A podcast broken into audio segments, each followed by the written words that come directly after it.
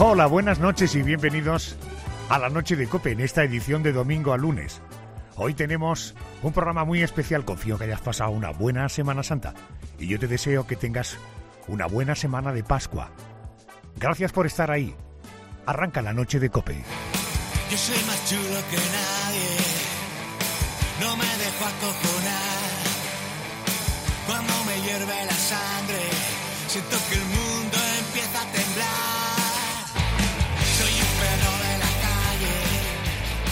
Este ha sido el primer sencillo de un nuevo álbum de Hombres G. Se titula genéricamente Resurrección y llega después de 10 años sin publicar un disco de estudio.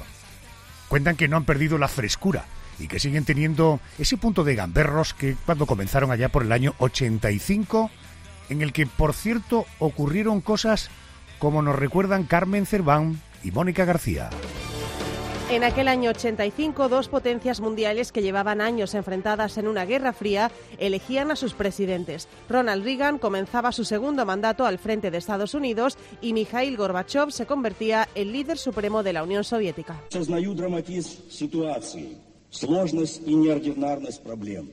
Entiendo el dramatismo de la situación, la dificultad de los problemas y el momento extraordinario que vive el país. La gente está preocupada con todo esto, pero no veo por qué tendría que cambiar el camino de la perestroika. Aunque hoy la lucha por la igualdad vaya por otros derroteros, en 1985 fue noticia que en España las mujeres ingresaran por primera vez en la Policía Nacional. Muchos recordarán una fecha de aquel año, el 20 de junio, jornada de huelga general contra la reforma de las pensiones diseñada por el gobierno de Felipe González. Aquella huelga de 24 horas tuvo como consecuencia política la dimisión días después del ministro de Economía, Miguel Boyer. Entre otras muchas cosas me ha dicho que está cansado, que soporta mucha tensión, que es difícil mantener ese grado de tensión y que el desgaste hace mella en él, que quiere dejar esa responsabilidad. 1985 fue un año en el que, por cierto, se abrió la verja de Gibraltar al paso de vehículos. Y es que era una etapa aperturista, en la que España se integró en la Comunidad Económica Europea, el germen de la Unión Europea, a la que nuestro país se adhirió en junio de 1985. Aquel año el mundo se estremecía con una tragedia. En el estadio de Heysel, en Bruselas, se congregaron más de 60.000 personas para ver la final de la Copa de Europa entre Liverpool y la Juventus. Aquella cita deportiva acababa con tragedia. Los ultras británicos derribaron la valla que separaba a las dos aficiones. Se desató una avalancha que dejó 39 muertos y más de 600 heridos. En el ámbito de la tecnología, en 1985 se produjo un hito. La multinacional de Bill Gates, Microsoft, lanzaba al mercado el Windows 1.0, la primera versión de un sistema operativo que se acabaría colando en hogares y oficinas de todo el mundo. Y para los amantes de los videojuegos más clásicos, también fue un año señalado. Nintendo lanzaba el Super Mario Bros. En aquel año 1985 fue noticia planetaria una canción, We Are the World, escrita por Michael Jackson y Lionel Richie e interpretada por numerosos artistas de primer orden, y todo para recaudar fondos para luchar contra el hambre en Etiopía. Fue uno de los himnos del Live Aid, dos conciertos solidarios simultáneos en Londres y en Filadelfia, en los que participaron artistas y bandas como Queen, U2, David Bowie, Madonna, Paul McCartney o Elton John. Esto es lo que pasaba en el año 1985, cuando empezábamos a oír canciones de hombres G.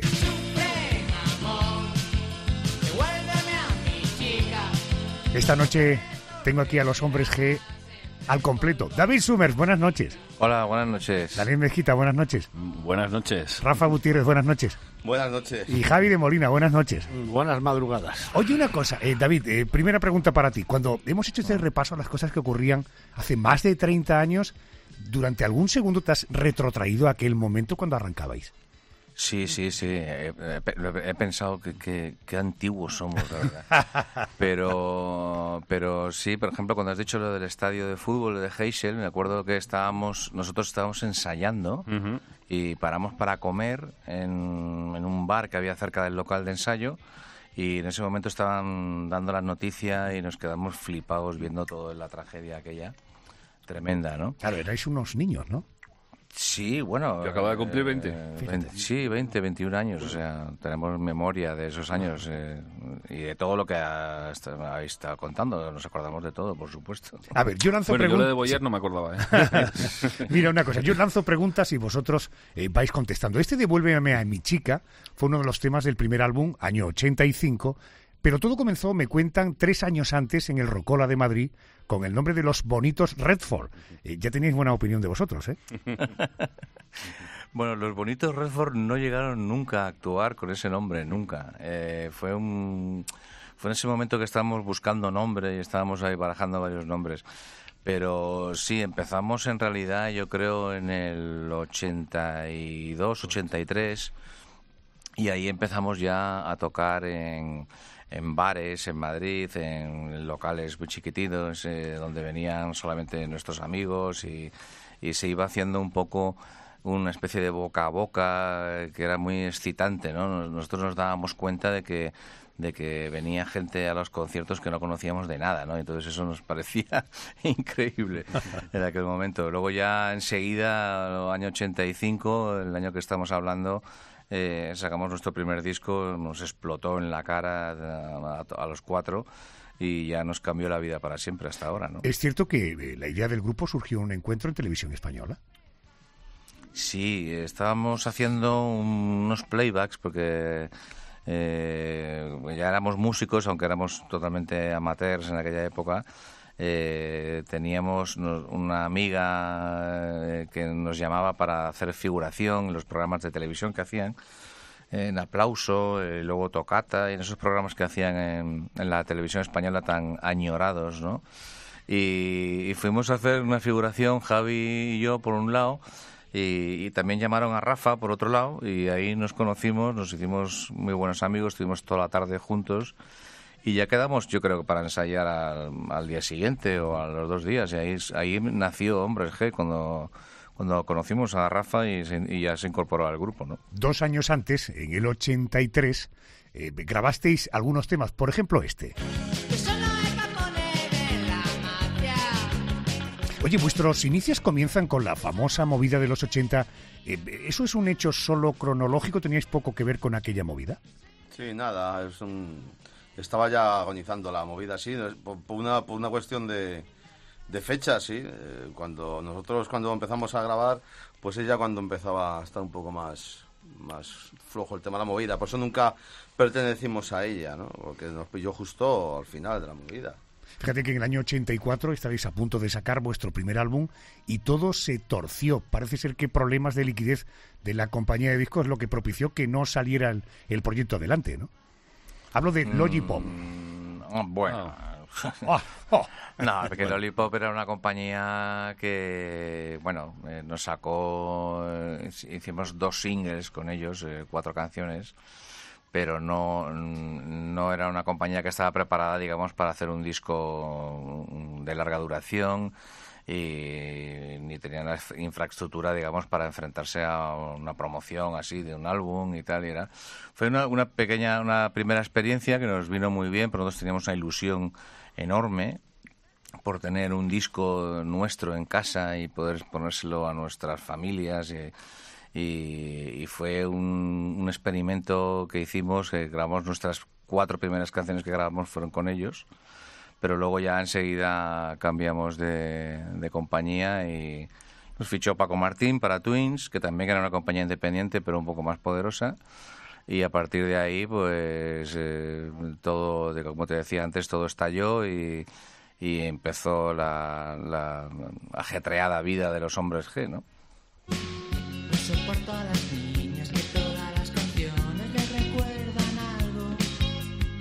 Bueno, vuestro primer disco, Hombres G, del año 85, ya nos situamos en este año, competía en ventas con Escuela de Calor de, Radio Futura. Oye, ¿os lo tomáis ya en serio esto de la música o lo de la música era por aquel entonces eh, pura diversión? Bueno, lo que pasa es que ya con el primer disco empezamos a hacer conciertos eh, fuera de Madrid, a, un plan profesional, ¿no? Nos exigía ese nivel, ¿no? Tenemos conciertos, eh, sobre todo ese primer verano hicimos casi 100, creo recordar. Entonces ya, claro, nos convertimos en profesionales. Era, teníamos una responsabilidad y, estamos viajando acá para allá, haciendo conciertos, cumpliendo unos horarios unas, y unas responsabilidades profesionales. Así que ahí ya sí que ya nos tomamos en serio, claro. Sí, no había más remedio, ¿no? Segundo álbum llega en el año 86, el título genérico La cagaste, Burlancaster, y entre sus canciones estaba esta. Marta tiene un marcapasos que le anima Precisamente este tema fue el título de un musical estrenado en Madrid en 2013 y en México en 2016. ¿Cuándo la música de un grupo se transforma en musical, esto es sinónimo de que está vivo o de que vive del recuerdo? ¿Cómo lo habéis visto? Bueno, yo creo que es sinónimo de que, de, que el grupo en cuestión tiene un gran repertorio, porque los musicales que funcionan, eh, que le gustan a la gente, son aquellos en que tienen un montón de canciones populares, eh, canciones que el público va a reconocer enseguida, ¿no? Entonces solamente mm, eh, grupos como nosotros o el caso de Mecano también, que también tiene muchos clásicos y muchos hits, o el caso de Queen, o el caso de, muchos artistas que tienen el privilegio, la suerte de haber encadenado un montón de éxitos y, disponer de 20 canciones eh, digamos, súper populares, ¿no? Entonces eso es lo que, lo que provoca que, que, se pueda montar un musical alrededor de tu repertorio, ¿no? Bueno, con la publicación del segundo álbum dais el salto a Sudamérica. Vuestra primera parada, recordaréis, año 86 fue en Perú. ¿Cómo fue aquel primer contacto con el público hispanoamericano ¿Y cómo es ahora? Es decir, ¿os reciben con la misma fuerza y el mismo cariño que os recibimos aquí en España? Bueno, fue el año fue el año 87 cuando la primera vez que cruzamos el charco y, el primer país que, fuimos fue fue Perú y fue impresionante porque porque bueno no, no esperábamos ese recibimiento no cuando llegó el avión de Iberia al aeropuerto y había 20.000 personas en el aeropuerto y asaltaron las, las pistas y, parecía que iban a atacar al, al avión no no sabíamos que era por nosotros. Y bueno, y luego de ahí pasamos a Venezuela, México y el resto de países, ¿no? Y bueno, ahora tenemos la suerte de que, de que el público nos, nos recibe de igual forma, ¿no? En, en sitios como México hemos tocado el año pasado eh, cuatro eh, auditorios, ¿no? que son 20.000 personas cada noche y, tenemos la suerte de tener un público magnífico ¿no? y muy extenso, por supuesto. Es curioso, digo, eh, que ahora os reciban con mucha contundencia y con mucho cariño. Mm. Parece que hombres ya maduros esto lo aceptan casi con normalidad, pero supongo que con vuestra edad, en el año 86, que ocurrieran esas cosas tenía que ser de un impacto acojonante, ¿no? Hombre, sí, cuando eres joven, pues claro, te, impacta más, ahora ya menos, estás acostumbrado, pero la verdad es que sigue siendo eh, muy parecido. Llegamos a, cualquier país de estos que has nombrado de, América y, no tiene más que verlo en, en, YouTube. El otro día lo estaba viendo sin querer, estaba buscando una canción con los enanitos verdes y me salió la última llegada de los hombres a México y yo no sé qué hora era de la madrugada, pero había cientos de personas, se ven a los policías sacándonos allí, empujando a la gente, eh, vamos, tirándonos, jalándonos de las chamarras, como dicen ellos, y, que dices, pero esto, ¿cómo es posible a unos tíos ya con el pelo blanco, con 54 años? Pues sí es posible, ¿sabes por qué? ¿Por qué? Porque lo digo yo. sexy, sexy. Oye, pues eh, yo, ¿Qué hay de cierto en que hay canciones como Devuélveme a mi chica que fueron censuradas eh, en algunos países latinoamericanos? Bueno, es porque eh, eso fue también inesperado para nosotros, porque aunque la canción en España también era un, llamaba la atención por decir sufre mamón y tal, y era un poquito irreverente la verdad es que no teníamos ni idea de que en México se iba a montar el escándalo que se montó con, el decir mamón, ¿no? Pero hay que decir que para ellos eh, la palabra mamón es mucho más fuerte, desagradable, es un insulto feo eh, y no una palabra coloquial como es o como era por lo menos cuando le hicimos la canción que la gente se saludaba entre amigos y decía hola mamón y tal y no era una palabra tan tan tan fea, ¿no? En, en, México son eran siguen siendo, ¿no? Pero en aquel momento eran muy muy conservadores con con el tema de las palabras malsonantes y entonces no se podían decir en la radio ni en la televisión. Recuerdo que Raúl Velasco, mítico presentador mexicano eh, de televisión que llevaba eh, ya se, jubiló el pobre hombre, al final tuvimos una gran amistad con él, pero tenía un programa que se Siempre en Domingo, que, recordaréis, los más viejos, y, era un programa muy familiar y nos, mm, no quería llevarnos, al final no tuvo más remedio que llevarnos porque el éxito era increíble y el tío nos presentó pidiendo perdón antes a las familias mexicanas por lo que yo estaban a punto de escuchar y los y la gente de las familias mexicanas nos adoraban los niños nos adoraban, la gente nos adoraba, pero él se veía un poco en la obligación de, de mantener la compostura, digamos, conservadora que tenían en México ¿no? en ese momento. Eh, precisamente de la frase censurada surge la peli Sufre Mamón, que se estrenó en el año 87, dirigida por el inteligentísimo y divertido Manuel Summers, el padre de David. La película más taquillera del año. Eh, ¿Cómo fue esa experiencia? Porque, claro, andabais en la órbita de Manolo Escobar, de cantantes con tanto éxito que terminan haciendo cine, ¿no? Sí, sí, pero fíjate que no. Eh, eh, normalmente las películas de los grupos de rock y tal, y las que por lo menos que se han hecho en España, no han funcionado ninguna. O sea, no, no, había como una especie de maldición, ¿no? Había, por ejemplo, grupos eh, que tenían mucho éxito con su música en sus conciertos, hacer una película no funcionaba nada, ¿no? también eran muy malas, ¿no? Pero la nuestra fue eh, un taquillazo enorme, la gente enloqueció, eh, iba al cine, las chicas lloraban, gritaban, fue un fenómeno digamos, de continuación del fenómeno eh, tan eh, sociológico tan grande que, se había convertido el grupo en, esos años, ¿no? He tenido oportunidad de, echar un vistazo a la prensa de la época. El día que se estrenó la película Sufre Mamón, se colapsó la Gran Vía con casi 10.000 personas. Bueno, de hecho había grupos que cantaban canciones en vuestra contra. Por ejemplo, recuerdo aquella de pabellón psiquiátrico de G de gilipollas. Lo de las críticas, ¿qué tal lo llevabais? Y en todo caso, ¿qué tal lo lleváis ahora? Nada, siempre nos han dado un poco igual. Bueno, lo que decías de la película es curioso porque lo de que colapsamos la Gran Vía o si hubiéramos estrenado la peli esta semana, ahora mismo sí que se hubiera liado la Gran Vía. Pero vamos, de las críticas siempre nos la han pelado y, la verdad es que hemos dado un poco de vidilla así a algunos grupos que tuvieron un pelín de éxito hablando de nosotros de cualquier modo, ¿no? Año 89 llega un álbum titulado Voy a pasármelo bien.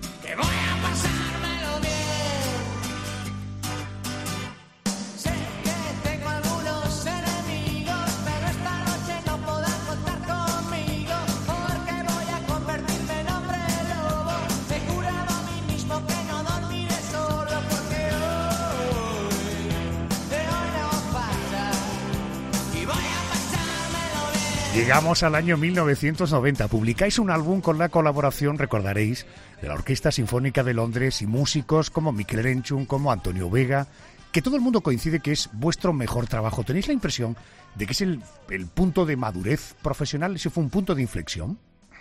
Yo creo que fue un disco muy, muy valorado por la crítica, precisamente. Eh, pero era un disco, esta es tu vida, te refieres, es un disco eh, mm, quizá un poco más difícil que los anteriores que habíamos hecho, ¿no? Y recuerdo que el crítico del país nos puso muy bien, muy bien, y mi padre me dijo, cuidado con esto. Porque recibir una crítica buena depende de quién, de quién venga, pues a veces puede ser contraproducente. Pero vamos, es un disco del que nos sentimos orgullosísimos. Fue un trabajo. A mí me recuerda un poco a, este último, Resurrección, ¿no? Porque fue un disco que también nos dio mucho trabajo y mucha dedicación, ¿no? Y eh, nos sentimos muy orgullosos de él, ¿no? Vamos a llegar ya al año 2001. Es lo que pasa, estamos locos? ¿Qué es esta farsa? Dime quién engaña a quién Es verdad que en el año 2001, en abril de 2001, para ser más exactos, quedáis en un restaurante para hablar de la vuelta de Hombre G, porque, claro, Hombre G seguían vendiendo millones de copias por todo el mundo, sobre todo en América, aún sin estar en activo, y ese motivo, hablar de este asunto, provocó decir, ¿por qué no volver? ¿Esto es algo, hay cierto o es leyenda? Correcto, es correcto. Lo que no, no me acordaba que era en abril, pero el 2001 sí, fue antes de, pues sí, sí, quedamos en Madrid los cuatro y llevamos tiempo sin vernos, además. Y bueno, nos habíamos visto separados, pero, pero digamos que los cuatro juntos, yo creo que desde el 93, 92, 93, no habíamos estado los cuatro juntos. Y, y bueno, la verdad es que teníamos una oferta para, para ir a México a tocar eh, tres o cuatro conciertos en el auditorio, muy buena, a través de la compañía y bueno, lo, yo se lo transmití porque yo estaba trabajando, soy Dani, estoy, estaba trabajando en, en la compañía en Warner y me, me, habían llamado desde México para, para ver si había alguna posibilidad, ¿no? Y le decía, bueno, no sé, vamos a ver.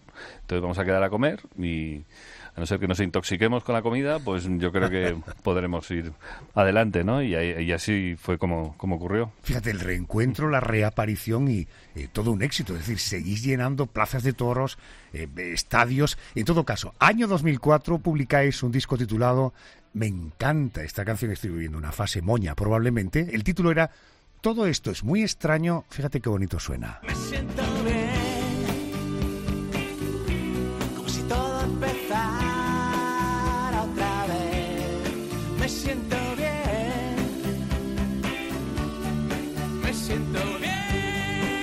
La vuelta de Hombres G supone llenar estadios como el Vicente Calderón en el año 2005, publicar recopilatorios con los mejores temas y recibir el Grammy honorífico a la trayectoria artística en el año 2006.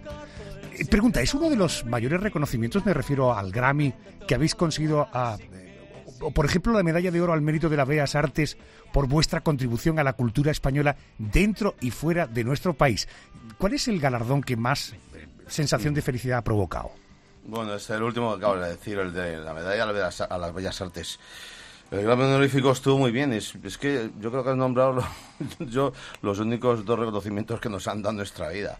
Pero la medalla de las Bellas Artes es muy especial porque es como es un reconocimiento de que el grupo es, eh, es un representante de la cultura española allá donde vamos. Y eso, viniendo de cuatro chavales que empezamos hace casi más de 30 años sin, sin ánimo de triunfar y sin idea de, de, dónde íbamos a llegar a estas alturas y tal como nos ha tratado la vida, eh, pues un reconocimiento así para nosotros es muy, muy importante. Eh, David, eh, ¿en qué momento se encuentra Hombres G ahora? Más allá, digo, del nuevo disco, ¿hasta dónde pretendéis llegar? Es decir, ¿esto se puede seguir estirando, que la gente valoremos vuestra creatividad, vuestra puesta en escena? ¿Hay algún límite? Mm, Yo creo que no. Yo creo que hemos perdido un poco el concepto de, de, de, del techo que puede tener esto. O sea, eh, como te decía Dani antes, estamos en estos últimos años estamos haciendo, eh, digamos, teniendo logros que no habíamos ni siquiera imaginado, ¿no? O sea, estamos eh, tocando en Estados Unidos en sitios míticos, en Hollywood Bowl, Radio City, cada vez haciendo giras más bonitas, mejor organizadas, más profesionales. Nosotros cada vez tocamos mejor, cada vez eh, también hacemos mejores canciones y hacemos un trabajo más fino, ¿no? Entonces, como nuestra idea siempre es seguir aprendiendo, seguir mejorando, intentando hacer las cosas cada vez mejor, y para eso necesitas eh, una ilusión permanente, que en nuestro caso es, está intacta, pues... Eh, lo único que te puedo decir es que mientras el cuerpo, la salud nos lo permita, pues vamos a, a continuar y vamos a seguir intentando hacer canciones nuevas muy bonitas, vamos a intentar seguir haciendo felices a nuestro público, a la gente que viene a vernos a los conciertos y, y hacer nuestro trabajo lo más dignamente posible, pero pasándolo lo mejor posible también. Esta noche tenemos la suerte que han venido, en fin, síntoma inequívoco del respeto que le tienen a los oyentes, a los trabajadores, a la gente que sintoniza la radio de noche, los mismísimos hombres G. Tienen un trabajo nuevo en el mercado. Se llama, su título genérico, Resurrección. Déjame que te voy a poner un tema más de ese trabajo que merece mucho la pena. David, Daniel, Rafael, Javier, gracias, mucha suerte y no tengáis ninguna duda de cuando bajéis al sur Andalucía y paséis por Málaga, allí estaré yo pegando botes también. Muchísimas gracias. Un abrazo.